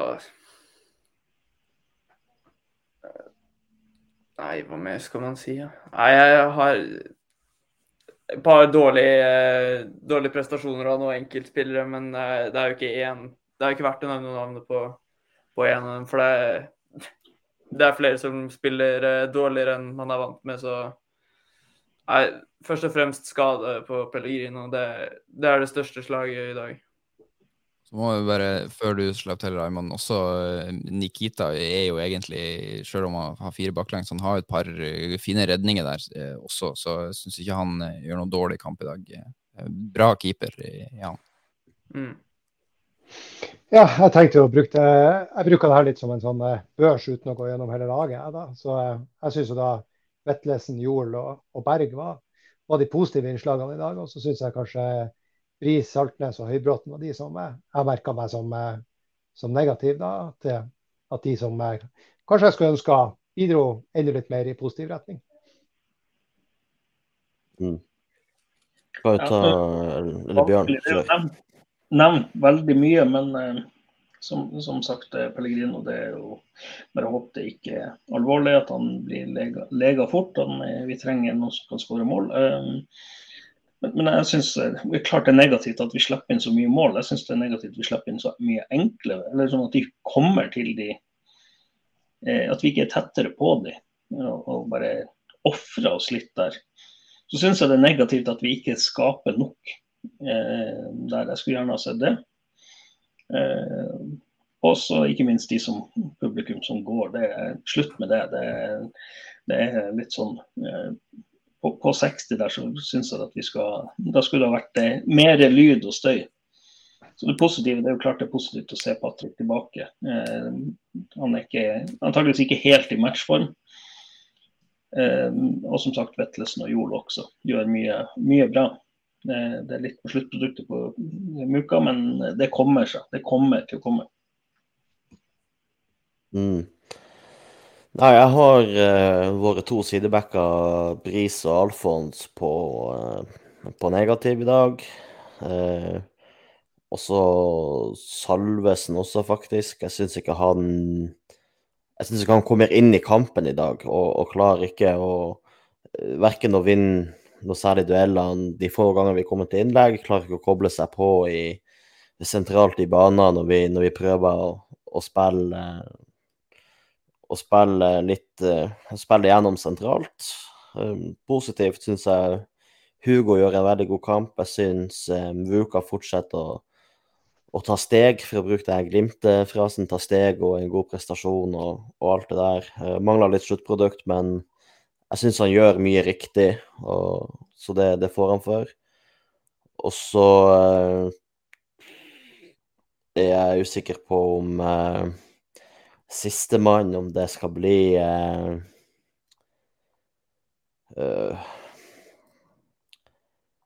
Ja, altså det Isak syns jeg gjør en god kamp igjen, selv om det selvfølgelig er, er ting som ja. Men jeg synes han I andre gangen syns jeg Isak starta andre gangen bra, altså. Uh, går gjennom ledd noen ganger, får tredd opp i mellomrommet litt. og og så er det synd at vi får den imot på, på 1-3 for Glimt. Kjører kampen i begynnelsen av andre gangen helt til, til Molde får 1-3. Da, da syns jeg lufta går litt ut både av Aspmyra og, og Bodø-Glimt. Så, så, Isak får den siste der. bare ta opp litt det der med, med Salvesen. Det, var, det, ble jeg faktisk litt sjokkert over i dag. Hvor, hvor, mye han sleit i dag med mann i rygg. For han, Det ble spilt opp mange baller på han der han, han klarte å ta imot ballen, men mista den mens han skjerma. Det, altså, veldig mange ganger. Det det er ting som ikke jeg har opplevd så mange ganger. At du klarer å ta imot, men mister den mens du skjermer. Liksom. Det er derfor jeg sliter helt med å skjønne hvorfor uh, hvorfor Boniface ble solgt. For han var ikke noe dårligere i kombinasjonsspill enn det, enn det Salvesen viste i dag. Får satse på at det er bedre mot PSV på torsdag og TIL på søndag. Mm. Jeg sier at da, med, med kombinasjonsspillet så tenker jeg mer på det her. Det, å tenke raskt og, og handle raskt i nærheten av 16-meteren mer, mer, enn hva. Men det er klart Boniface var god på akkurat det der, det er det ikke noe tvil om. Altså på, på det å motta ball og, og holde mannen borte. Det, det, var han god på. Mm. Ja, men da føler jeg jo igjen at podden har utført sin misjon for min del som, eh, som psykologtime rett etter, etter, kamp. Jeg vet ikke om dere brenner inn med noe før vi, vi avslutter, dere andre? Nei, nå ser jeg bare frem til å sette meg på flyet til Amsterdam på torsdag morgen. Jeg kan si at jeg tror uh, gullet er tapt, men uh, you never know. Uh, selv, selv, om jeg, jeg går ikke rundt og håper på det, men det er ikke over før det er over. Nei, det er det de sier. Det, det er ikke over før The Fat Lady Sings, ikke det de sier på, mm. på godt nynorsk. Så.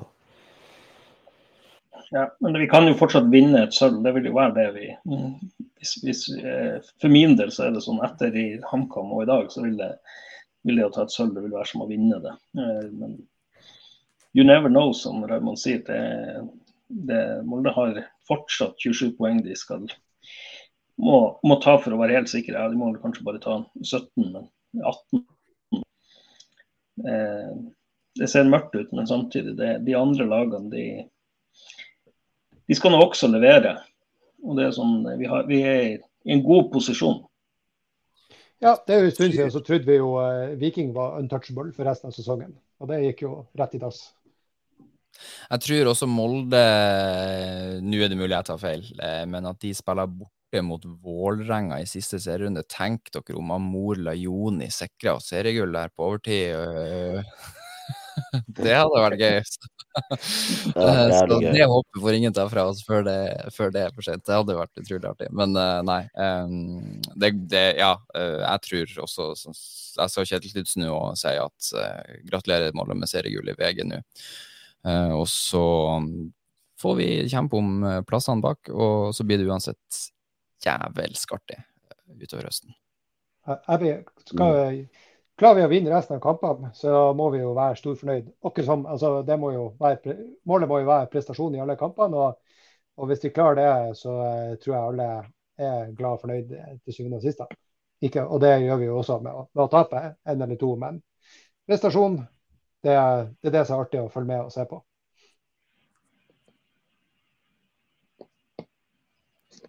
Ja, da føler jeg at vi, vi landa litt der, så da takker jeg Webium for eh, produksjon, Adventure Taylor som er vår sponsor, og tusen hjertelig takk til deg, Niklas, som hadde lyst til å være med oss i dag på en sen lørdag etter en litt kjedelig fotballkamp på Aspmyra. Ja, tusen takk for at jeg fikk være med. Det var mye bedre enn å dra hjem og uh, se høydepunktene fra kampen. Så, så, det her er bra. ja da, det er det, er som å gå i terapi, det her. Så da, da sier jeg takk for oss og god kveld, og heia Bodø-Glimt. Heia Glimt. Øya Glimt.